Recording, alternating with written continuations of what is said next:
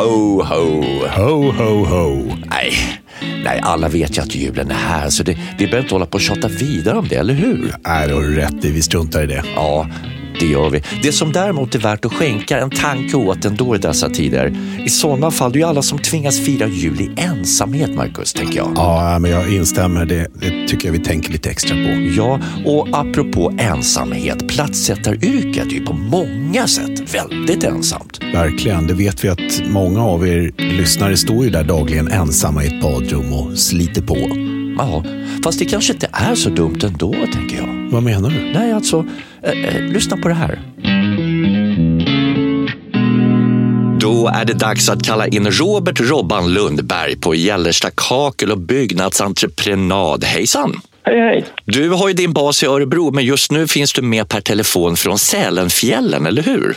Ja, det stämmer. Lite skidsemester. Jag åker lite längdskidor här uppe en stund. Ja, okej. Är det inför Vasaloppet du är där och tränar, eller?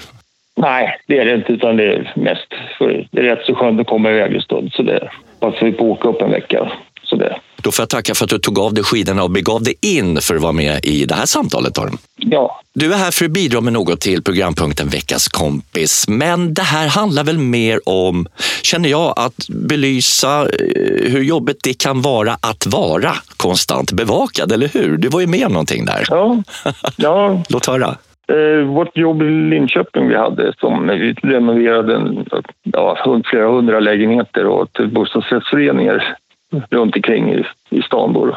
Det var ett äldre område och bodde mycket pensionärer i. Då, då. Och de var lite ja, kärvänliga ville vara med och kolla lite grann. De var glada när det kom någon och hälsade på dem i stort sett. Då. Så, så då var det en farbror då, 80-årsåldern drygt säkert. Och där satt, tog fram sig stolen, satte sig i dörröppningen och började så prata med dem. Man försöker vara lite trevlig och prata lite grann det, med dem och hur de har haft det och lite sånt där. Då. Och det går ju an i tio minuter, men sen efter tio minuter så har man kanske inte så mycket att prata om längre. Men han satt kvar där. Det, han satt där och tittade och sa ett ord på hela tiden under tiden jag satte färdigt hans badrum. Då. Så det, det har aldrig gått så fort att sätta ett badrum någon gång i hela mitt liv. Så det, för man kom därifrån. Så det, en, en som sitter tyst i dörröppningen på en stol och tittar på en varenda grej man gör. Så det, För jag tänker, eh, platssättaryrket är ju i mångt och mycket ett ensamjobb många gånger. Det kanske är skönt att ha besök av någon, men kanske inte under hela arbetet. nej, det, jag vill bara jobba på och försöka komma därifrån så fort som möjligt. Ja. Sen finns det en annan typ av eh, person som gillar att pladdra hela tiden och gärna ställa massa obekväma frågor. Vad var det för någonting? Ja, det var ett eh, jobb som jag hade på hemmaplan då, en villa. Ja. Och han eh, började med en fråga, då, då om jag hade alla behörigheter och alltihopa sånt där naturligtvis. Då, och det, det hade jag ju då, så det, Mm, det borde han ha begripit då innan han anlitade mig såklart. Ja, och sen så var jag där och gjorde det jag skulle göra hela tiden. Var, varje gång så kom en och har du primat? Så ja, det har jag gjort. För. så, ja, vad ska du göra sen då? Så, ja, sen ska jag lägga näten och få värmekabeln och, och det. Då, så det. Ja, ja, men eh, hur länge ska primern stå och torka? Ja, det kan behöva torka då. Jag primar på eftermiddagen och så kommer jag på morgonen och lägger dit det här. Då, så att jag kan lägga kabel och spackla på en gång då. Så så att det ska flyta på. Ja, eh, elektrikern då, hur, eh, är han behörig? Ja, det är jag. Det, det, måste, det måste han vara. Så ja, så och så var jag där och spacklade. Han la värmekabeln och jag spacklade. Då var det, kom första frågan då om att mäta av kabeln. Då då. Ja, den är avmätt. Det står på dörrkarmen. Jag skriver alltid upp det på, dörr, eller på dörr, i dörrsmygen. Då då. Vad det är för på dem. Då. Ja, så var det, det klart då. Och sen Ja, sen var det, höll på- skulle man ju prima på spaktet och då skulle man fråga om jag verkligen hade gjort det. Ja, det ser du väl att jag har primat, jag. Så det, och liksom, frågorna kom hela tiden. Ja. Om jag hade gjort det både det ena och det andra. Då. Och så var det ett för den dagen. Och sen kom jag tillbaka dagen efter. Ja, vad ska jag göra nu? Ja, nu ska jag täta det här. Så, jag. så det, ja, vad är det för material du använder? Ja. så det, så det höll på hela tiden då. Från det att jag kom första dagen och skulle prima golvet tills jag åkte där det var fogat och klart. Och silikondraget och allting. Och då hade de ju ett badrum till då. Va? Mhm. Undrar de ju då om jag var intresserad av att lämna ett pris på det. Mm. Ja, så det, jag har ganska mycket att göra så jag tror inte jag hinner med det. Så, alltså det, det kommer bli väldigt långt bort i sådana fall. Då, så, ja, ja, ja, men då får jag inte med det. Och så kom frun i huset då, då smygandes runt hörnet och frågade vad. eh, tackar du nej för att min man har suttit och pratat och frågasatt och frågat om allting hela tiden. Ja, det hjälpte ju inte. Det ju till kan jag, kan jag säga. Så, ja, jag förstod det så. Då var jag inte med med det. Så det, det jobbet slapp jag kan jag säga. Så det, jag var inte intresserad av badrum nummer två. Inte. Du Robban, du får börja säga till på skarpen och be dem hålla sig borta så du får något gjort. Hörru. Jag får göra det. Ja, ja det är bättre kanske. Så. Bra, du får eh, kasta dig ut på skidorna igen och tack så mycket för att du var med här i Kakelpodden. Ja, visst, tackar. Ha det gott, hej hej. Ha det bra, hej då. Ja, men så himla irriterande. Alltså föreställ dig att vi skulle ha någon, någon översocial besserwisser människa som sitter här och, liksom matar en massa självklarheter till dig och mig som kan det här. Ja, har ni satt på mickarna? Ja, vad har ni för mickar? Vad kör ni med? Är det röda eller? Det där ljudkortet, var har ni köpt det? Är det, är det verkligen så bra? Nej, men vilken mardröm. Ja. Alltså all cred till Robbans tålamod. Men han var inte ensam i alla fall. Nej, och det var heller inte du och jag när vi rätt nyligen sågs i centrala Stockholm för att möta upp kakeladvokaten. Ja, just det. Anders eh, eh Adriansson, va? Alldeles riktigt. Han hörde av sig till mig och ville gärna prata om det som hände i veckans kompis i avsnitt 41. Mm, Okej, okay, nu har du aktiverat mitt korttidsminne här. Just det, det var, var det hon Malmötjejen, Desiree någonting? Michelyter. Så, så var det, som bjöd på någon annorlunda händelse va? Ja, men eller hur? Visst var det den där superdyra utställningskatten som trots att den skulle vara inlåst sprang in i badrummet precis när Desiree flytspacklade. Ja, ja, ja, men så var det. Och, och kattjäkeln fick ju fullt med flytspackel på hela pälsen tror jag. Ja, ja visst. Men du, hur var det den storyn slutade? Och varför vill advokat-Anders ta upp just den händelsen? Det är ett eh, bra exempel på en lycklig och bra utgång. Den här tjejen hon löste det, fixade allting och kunden i hennes fall var nöjd och alla var glada. Katten levde. Men jag tänkte så här. Vi ska nog reflektera lite över vad som egentligen hände. Mm. Men om vi tittar ur ett rent juridiskt perspektiv så blir det ju superspännande. Vad var det som hände egentligen? Jo, att katten rymmer från det här rummet. Det är ju inget konstigt. Det är ju sånt som kan hända. Det är ju inte entreprenörens fel. Att katten kastar sig in i flytspacklet, ja, det är ju inte hennes fel. Det är mer för kanske lite mer arbete, rent liksom arbetsmässigt. Inga problem. Men, och det är det här som blir lite viktigt nu då för alla som lyssnar. Just den här händelsen är sannolikt ganska unik och inte särskilt ofta förekommande. Eh, men vi kan ju dra paralleller till andra saker som kan hända. När hon tar katten, då börjar hon ju handla. Och då måste man som entreprenör fundera på vad och hur handlar jag nu? Hon tog ju katten, utställningskatten, ovärderlig för beställaren och eh, inte vet jag vad en katt eh, liksom kan vara värd. Men sannolikt ett ganska dyrt objekt. Mm. Hon tar den till ett annat utrymme i beställarens hus. På eget initiativ så tvättar hon katten. Hon använder ett schampo som hon kunde läsa var kattschampo. Och fixar till katten och gör den fin. Men hon har ju också på eget initiativ börjat liksom behandla beställarens egendom. Om hon hade gått ut med uppfarten utanför istället. Oh, inte vet jag. Snubblat till, skvätt lite spackel på en Porsche som står där utanför. Eller någon annan fin, dyr bil. Jag tror inte hon hade tvättat den bilen. Eh, för då hade hon tänkt så här, den bilen är säkert asdyr. Och om jag tvättar den utan att riktigt veta så kanske jag blir ansvarig för det. Och så är det ju. Du får ju bara göra sånt som du vet att du kan hantera. Och här handlar det om att begränsa sin skada också, naturligtvis. Men att ta den här dyra katten, tvätta den och så vidare. Hade hon inte haft egna katter och inte vetat hur man tvättar en katt, då behöver hon verkligen tänka till. Mm. Hur ska man hantera den situationen då? Om vi ponerar att den här katten hade blivit eh, grön i pälsen istället, vad hade hänt då rent juridiskt? Precis, det är ju det som är frågan. För då kommer säkert beställaren hem och ser sin gröna katt och eh, gör gällande att den här skulle vara med på en utställning eh, nästa vecka. Nu är den grön, nu kommer inte jag kunna vara med. Och då får man fundera på vad är den potentiella skadan här? Kan det vara så att det här är en, liksom en världsvinnande katt? Man vet att den där kommer att vinna eller hon kanske till och med hade en, eh, liksom en försäljning av katten som gick i stöpet nästa vecka. Hon skulle få en miljon för den eller något, inte vet jag. Mm. Orsaken till att katten är grön, och alltså orsaken till skadan, det är eh, förmodligen att hon tvättar katten.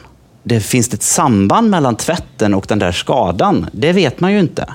Och, det är det här, det, vi kommer inte kunna svara på den frågan nu heller. Nej. Utan det här är liksom sånt som typiskt sett är det man harvar i domstol. Men man måste reflektera över att orsakssambandet mellan skadan och orsaken, den är helt avgörande för om du ska hållas ansvar eller inte. Men du, jag tänker så här, det här var ju ingen vanlig billig eh, liten eh, vardaglig bondkatt det här. Det här var någon superlyxlig, jättedyrbar liten mm, pälsgoing som trampade in där.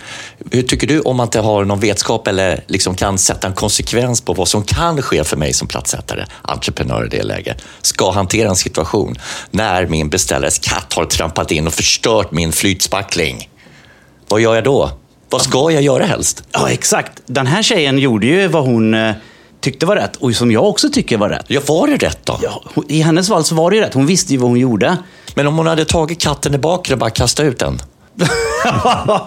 Beställaren har ju inte låst in kattskrälet. Katten har ju förstört min flytspackling. Ja, just jag det. måste göra om jobbet ju. Ja. Det kostar pengar, fler timmar. Även om det är projekt, jag måste debitera mer.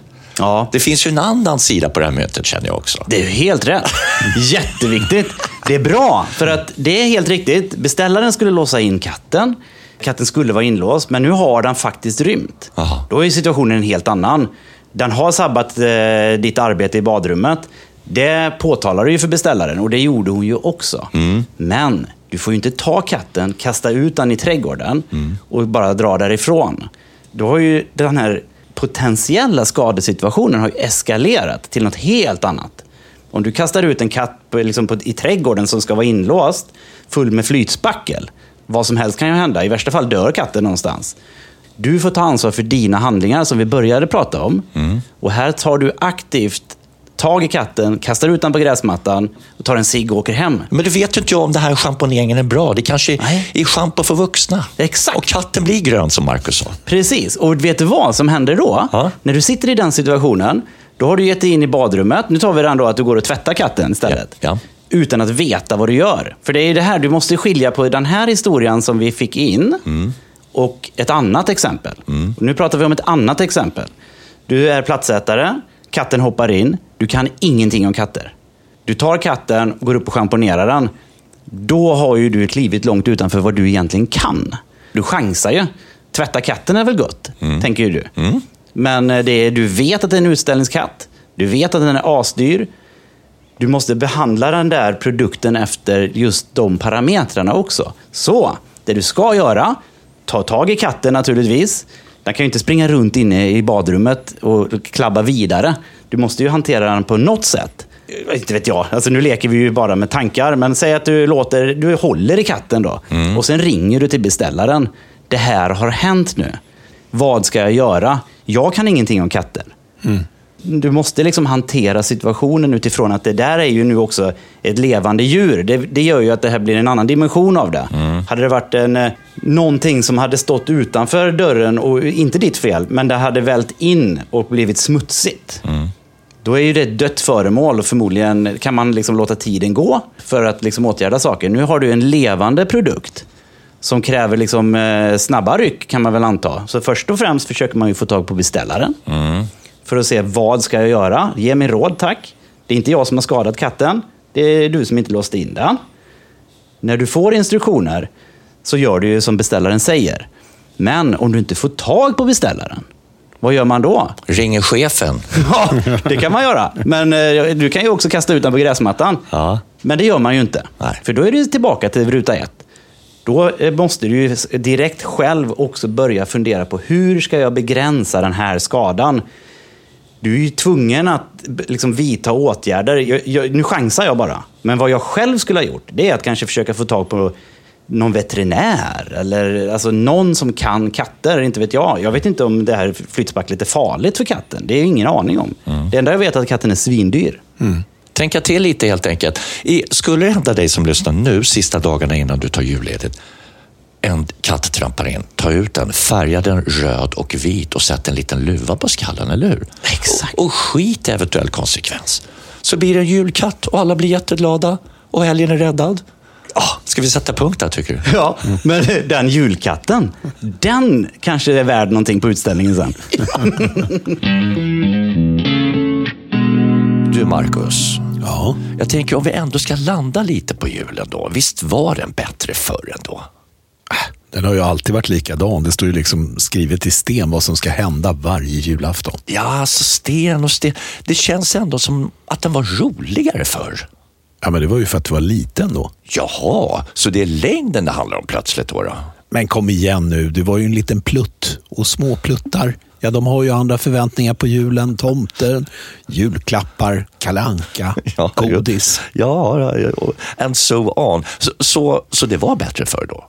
Nej, inte om du frågar ett barn. Fast ett barn var ju inte med förr, så det är meningslöst att ställa just den frågan till ett barn. Ja, det har du rätt i. Men vad vill du komma med det här? Ja, men att allt var inte bättre förr. Framförallt inte när det kommer till plattsättaryrket. Nej.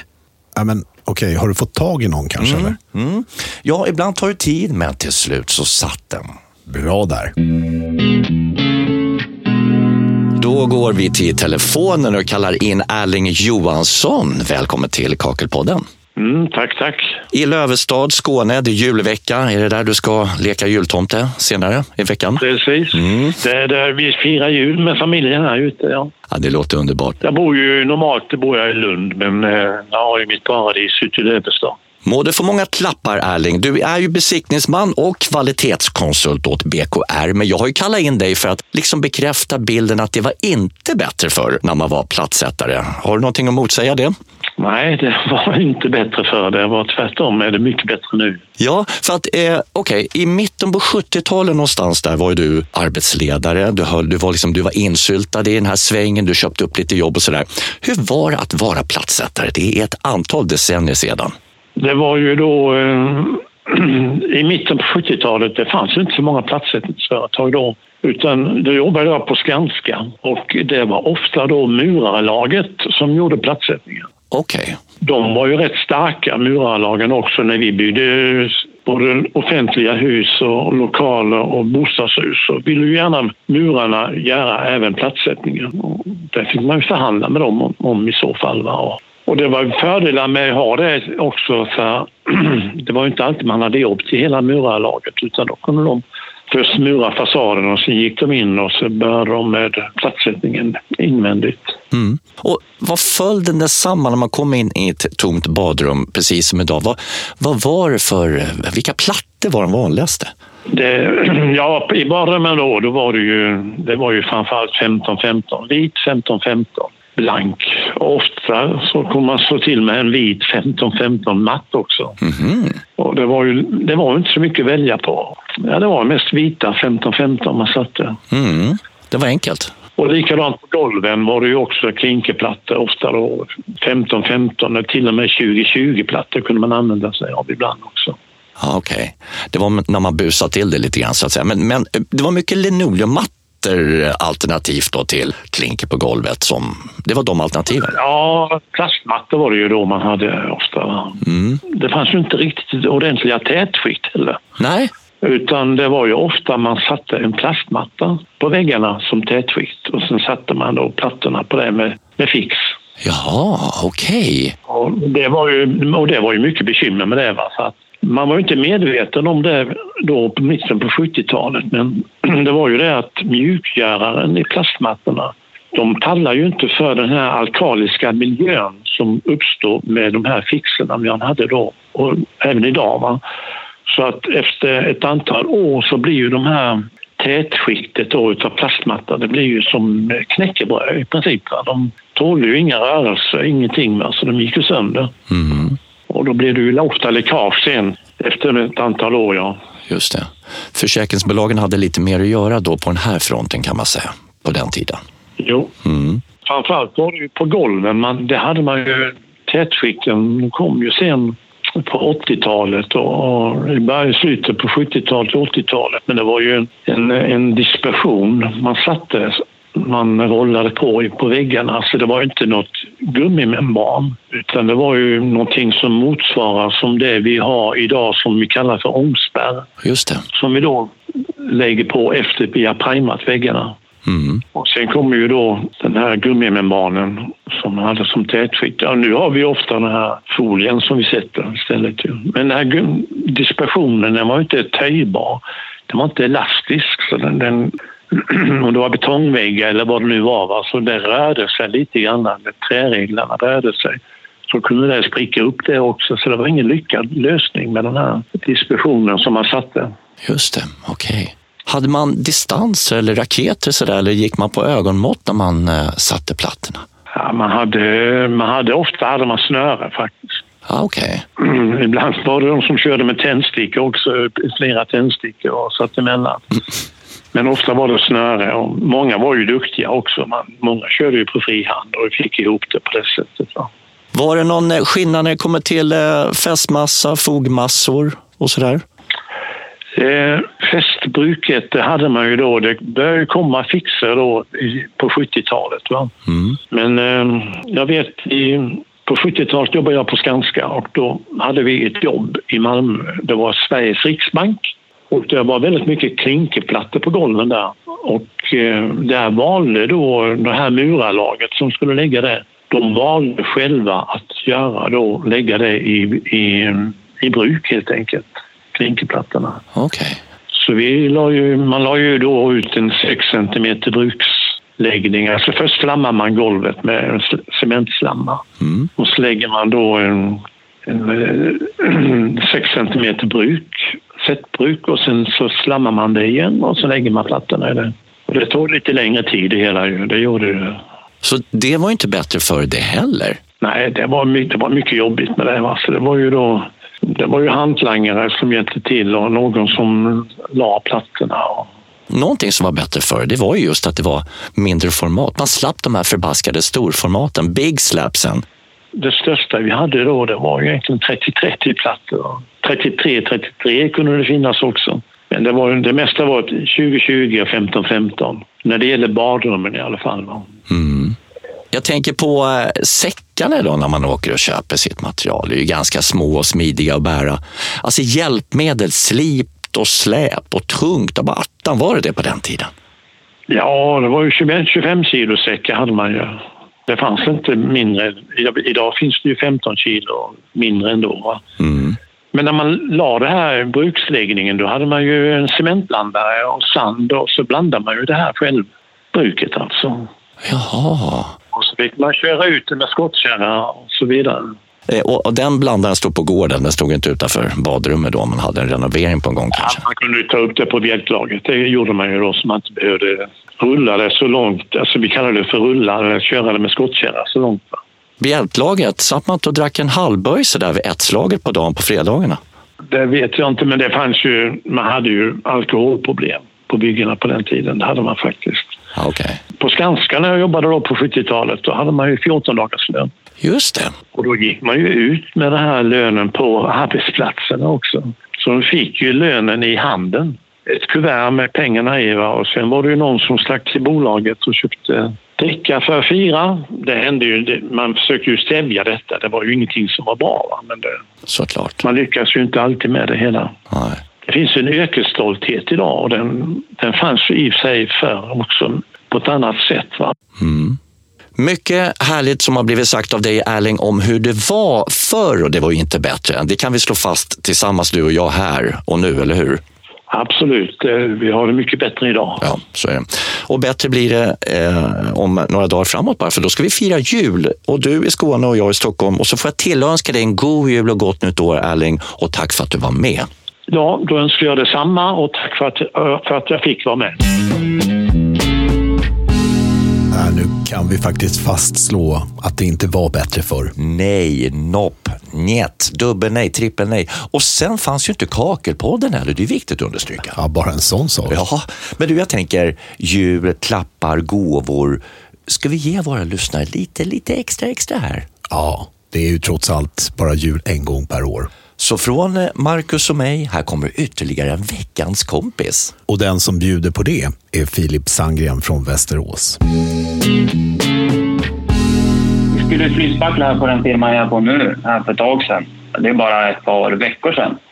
Och sjukt nog så um, sprack tunnan mitt i tu på uh, blanka dagen tänkte jag säga. Nej, jag hade väl en sex uh, säckar flytspackel i. Ja, Lite sådär normalt som man brukar kunna ha, tycker jag. Och sen um, sa det bara pang. Skulle hälla över det som man gör i en liten hink och sen um, låg det sex säckar på golvet. Ja. var du inne i badrummet eller stod du utanför och skulle liksom bära in den?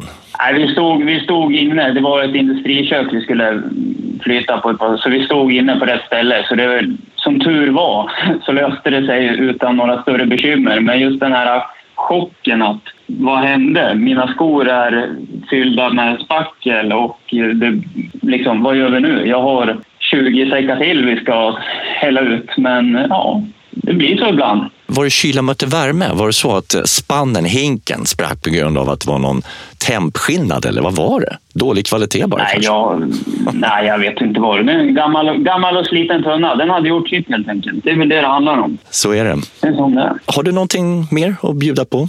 Ja, jag har ju, jag har ju en bakgrund som eh, ja, men platsättare som sagt. Och jag tävlade ju i Ryssland 2019 på VM där. Ah, Och eh, där var jag ju en, en lite rolig tabbe att under första dagen egentligen när vi skulle liksom ställa fram alla verktyg och förberedning för tävlingen så fick jag ju ett kvitto på att man är plattsättare och inte snickare. Jag skulle väl skruva ihop någon eh, liten grej liksom, eller vad det var. Så vipsan svejsan så slant skruvdragaren som var, den drog ju rakt in i fingret. Så det var ju lite kaosartat där en två minuter att vad fan, nu har jag ett hål i fingret och jag ska tävla VM med plattsättning. Ja, skruvdragare är inte riktigt min grej. Det är en liten sån här, lite klantig grej kanske man ska säga. En liten sån här, ja, sånt som händer. ja. Men där har man ju tecken att man är plattsättare istället för snickare kanske. ja, du ska inte befatta dig med snickaryrket alls faktiskt. Nej, det är bättre att hålla sig till kakel och flinke. Ja, det tycker jag verkligen. Men satte du på ett plåster och bet ihop bara och körde vidare sådär? Ja, ja, ja självklart. Nej, men det finns ju inga alternativ. Det är bara, det är bara att köra. Det är, Är det därför du har sadlat om? För att det blev lite många såna här veckans kompis-tillfällen i, i ditt plattsättarliv? Nej, nej, det är verkligen inte därför. Nej, men jag ville ut på nya, lite nya utmaningar. Så jag hoppade på att börja plugga. Sen jobbade jag som arbetsledare i Västerås. Så. Men eh, lycka till på din nya bana Filip och tack för att du bidrog med några härliga stories. Ja, nej, men det var så lite så. Ha det gott, hej på det. Ha det fint. Hej. Ralf Gerard, VD på Byggkeramikrådet. Välkommen in. Tack, tack. Nu är det jul igen du. Ja, precis. Nu satt vi här igen. Blir det någon keramik under julgranen? Eh, ja, det kanske det blir. Alltså, vem vet? Det finns ju keramik i olika former. Alltså kaffekopp eller någon tallrik kanske. Eller? Ja, vi får se. Eller en big slab under granen väger mycket och är stort. Alla gillar stora, hårda, tunga julklappar. Exakt. Jag tänkte innan vi vänder blad och blickar in i 2024, vad skulle du säga, vad har hänt under 2023? 2023, ja det har hänt en hel del saker. Men eh, jag ska ta det lite kronologiskt då. Ja, Kakelplattans dag som vi firar i februari, 23 februari. Det var ju den vi började med. Och i år så hade vi ju, eh, vi la ju lite mer krut på, vi gjorde ju nästan en filmserie, vi gjorde en filmserie med den här eh, reporten som åkte ut på stan och, och undersökte och kollade lite hur man firade Kakelplattans dag. Så det, det var ju roligt och minnesvärt. De filmerna kan man ju fortfarande skratta åt faktiskt lite. Så att de har ju fått mycket uppmärksamhet för. Och sen eh, har vi ju haft eh, Kakeldagen. Eh, det är den här minimässan ihop med årsmötet. Ja, förutom årsmötet såklart, års och höstmöten. Eh, men vi har också kört det som man kanske minns mest i den här Clara Henry-kampanjen som vi har haft. De här tre olika blocken där vi har eh, låtit henne ja, testa eller utmana kaklet som vi kallar det för. Eh, vi har också gett ut två nya filmer som är lite mer instruktionsfilmer som har slagit jätteväl ut. Den ena är ju den här kammarrätt som vi kallar det för, som handlar om hur man kammar fästmassa på rätt sätt för att eh, få plattsättningen eller plattläggningen att hålla så bra som möjligt. eh, Så att man inte får det här spruckna plattor och kanalbildning eller vad det kan vara, bomljud eller så. Och den andra filmen, det var den vi släppte här i höstas. Den handlar ju faktiskt om eh, två centimeters plattor och renovering av altaner utomhus. Om man har en gammal eh, träaltan så kanske man tycker att den börjar se lite grådassig ut och tråkig, sticker och man kanske inte vill olja den för 30 gången eller vad det nu må vara. Så då kan man istället skruva bort dem där och lägga två centimeters plattor. Eh, och det är ett ämne som vi kommer fortsätta lite med framåt också. Men eh, ja, det är ungefär det vi har gjort. Man säger att vi inte gjort så mycket, men det blir en hel del för det tar ju sin lilla tid. Och det är ju faktiskt förutom alla poddavsnitt. Mm. Och så gjorde vi ju också, som vi alltid gör, vi har ju två nummer plattform, två nummer 900 grader, två nummer lera. Där vi ska ta fram material och lite så. så att, äh, vi fyller ju dagarna, helt klart. Det rullar på. Mm. Och dessutom så sitter ni ju varje dag och besvarar frågor från platssättare, privatpersoner, ja, annat folk i branschen också. Ja, exakt. Det kommer ju till där, vilket kanske är liksom mm, kärnverksamheten på något sätt. Och så har vi de här utbildningarna som vi alltid har. Det har hänt lite grann i svängen med all rätta, vilket är viktigt såklart. Då, då. Mm. Verkligen. Men om man, om man, eh, nu tar jag mig lite friheten här och, och vänder på steken, eller säga. Men eh, om man tänker så här, för er då? Vad, podden och det här året 2023, vad, vad har ni för bästa minne? Jaha, blev du intervjuad? Ja, det, det blev lite så. Ja. Nej, men jag backar gärna tillbaks eh, till eh, när jag stack iväg upp till eh, Bålstaområdet nordväst om Stockholm och träffade en platssättare. Vi satt på farstukvisten och chitchattade lite grann. Man såg daggen på bladet, det var sommar. Han skulle in och fixa lite nischer där som var någon utmaning i, i detta hus. Då, då. Det minns jag jättemycket, en jättegod kille alla möten med alla härliga platssättare som är där ute och gör ett sånt fenomenalt jobb både här och där. Vilken frihet de har. Men väldigt ensamt också, som vi har påtalat också i det här avsnittet. Mm. Vad har du, Marcus? Ja, men det är mycket härliga minnen. Det finns ju en hel drös med härliga Veckans kompis till exempel. Men något som jag fastnade lite extra för, vi är ju i badrumsrenoveringstagen där hemma. Det är det avsnittet som vi gjorde faktiskt riktat mer mot konsumenter. Då. Badrumsrenovering steg för steg. Mm. tycker jag är fantastiskt bra avsnitt där man verkligen får alla de här sakerna man ska tänka på som konsument. Och Jag tänker att eh, det kan också vara ett bra tips när man som platssättare är ute hos någon som funderar på att fixa sitt badrum lyssna på det här avsnittet så att du får med dig alla stegen. Men ska du få det där, du har ju hållit på att fundera på det där sen Hyland var i farten på tv. Ja, men nu nästa år, 2024, då händer det. Du vet att eh, Ralf är ju gammal plattsättare. Mm. Du kan ju lägga ut det personligen till honom. Ja. Kan du tänka dig att ta det jobbet, Ralf? Damma av kunskaperna lite? ja, det blir betoning på damma då. När satte du din senaste platta? Ja, min senaste platta. Ja, alltså inte skivan då på din vinylspelare. ja, det är, det är många år sedan nu. Det är många år sedan. Men det är väl ungefär så att ränderna går aldrig ur tigen. Så att, eh, mm. Har man en gång börjat med det, det är kanske som att cykla lite så, så är man ju med. Men en... det var inte så stora plattor på, på min tid. Nu lät du väldigt gammal. en gång plattsättare, alltid plattsättare. Ralf, vi går ju in nu i ett nytt år, 2024. Hur ser det ut för er på Byggkeramikrådet? Ja, nej men jag ser väl så här, det ser väl ut som det gör för de allra flesta företagen i Sverige idag. Vi har, känner också av de här lite tuffare tiderna, precis som en del medlemsföretag gör. Ja, än mer större eller högre grad, eller nu ska jag uttrycka mig, så är vi tvungna ibland se över kostnader. Men också titta lite på vad är det vi egentligen gör. Vi måste bistå våra medlemmar i allt mer vad man nu kan behöva. Allt ifrån eh, beställa till eh, ja, vilken typ av frågor mm, som helst. Och även liksom strömlinjeforma hela vår verksamhet. Så vi vet ju också här hur tufft det är. Jag menar, vi får ju samtal dagligen om, om ja, högt och lågt. Men, men gemensamt i de här samtalen från medlemmarna är att det, det är tufft. Mm. Okej Ralf, hur ser planerna ut då för 2024? Ja, de ser väl ungefär ut som det brukar göra. Vi har ju liksom några stående inslag som jämt är med i almanackan. Det första som sker är kakelplattans dag som vi kör den 23 februari. Sen har vi ju kakeldagen, det här om vi säger branschmötet som är tillsammans med eh, årsmötet. Och så har vi ett höstmöte på hösten i Göteborg. Det som kanske är nytt nu som vi inte hade förra året är att också vi är med på Nordbygg som är slutet på april. Mm, just det, tre dagar ute på Stockholmsmässan i Stockholm. Exakt, exakt. Det där blir ju eh, antagligen näst sista Nordbygg. Sen ska man ju riva hela Stockholmsmässan. Men det är viktigt att synas där och, så. Vi var ju med för två år sedan också, vilket var uppskattat. Så eh, vi fortsätter vara där, prata kakel, klinker, branschregler. Mm, härligt. Något annat? Ja, när det kommer till våra regionsmöten så har vi ett litet annat upplägg vi ska köra 2024.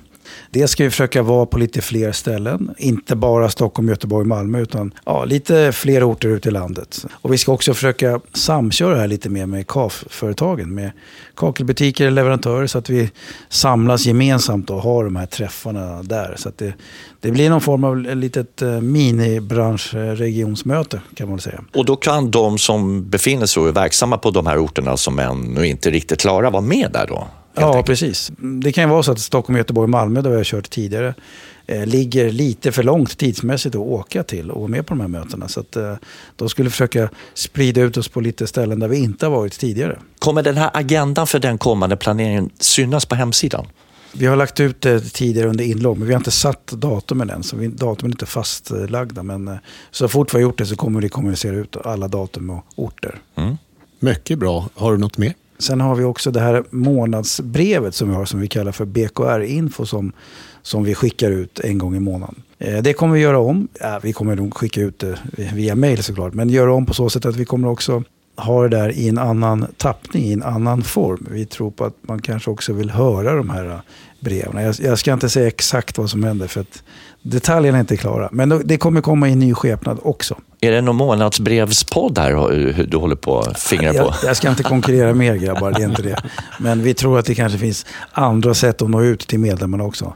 Än att eh, bara få ett eh, månadsbrev. Och egentligen syftet med det är att vi ska nå lite fler medlemmar. Inte bara de som alltid står på vår kontaktlista eller som är kontaktpersoner. Utan vi vill försöka få ner det här ut i, i, i organisationerna. Längre ner, bredare om vi så säger. Så att eh, återigen, fler känner sig delaktiga och förstår och vet vad vi gör. Lite mer tillsammans och komma närmare medlemmar och varann på något sätt, eller hur? Inför kommande år. Ja, exakt. Det, det, det, ska säga, det är en bra överskrift för 2024. Mm. Eh, sen har vi en sista grej som, som vi kör, som vi har pratat om lite grann, men som nu vi äntligen har fått igång då och ska sjösätta. Där vi har en kurs, en ny kurs som vi kallar för parkurs. Lite skämtsamt så kallar vi det för parterapi också ibland. Men ibland handlar det nästan om parterapi. När man står i ett badrum och du har din rörmokarkompis och din snickarkompis där. Och ibland är elektrikern med också. Men man har någon form av eh, relation till det där. Då är det väldigt ofta att det är platssättaren som är sist in och det är han som är mest gnällig. Och får ringa till, ja, om det nu är rörmokaren eller snickaren och säga flytta det här, väggen lutar för mycket eller golvet eller är snett eller allt möjligt vad det nu kan vara. Och för att råda lite bot på det där så lanserar vi en kurs som vi kallar för ja, förutsättningar för att bygga rätt kan vi säga. Där man tar med sig sin snickare, sin rörmokare och gärna elektriker. Men, men tanken är åtminstone att snickaren är med. Så att du som platssättare tar med din snickare, går den här kursen lite mer på byggvaruhus eller, eller ja, där, där snickarna är egentligen. Och sen så sätter du dig och sen så beskriver vi vad det är som krävs i underlag, eh, röravsättningar och allt sånt där. För att platssättaren ska få möjlighet att kunna göra ett så bra arbete som möjligt. Så att förutsättningarna blir liksom rätt från början.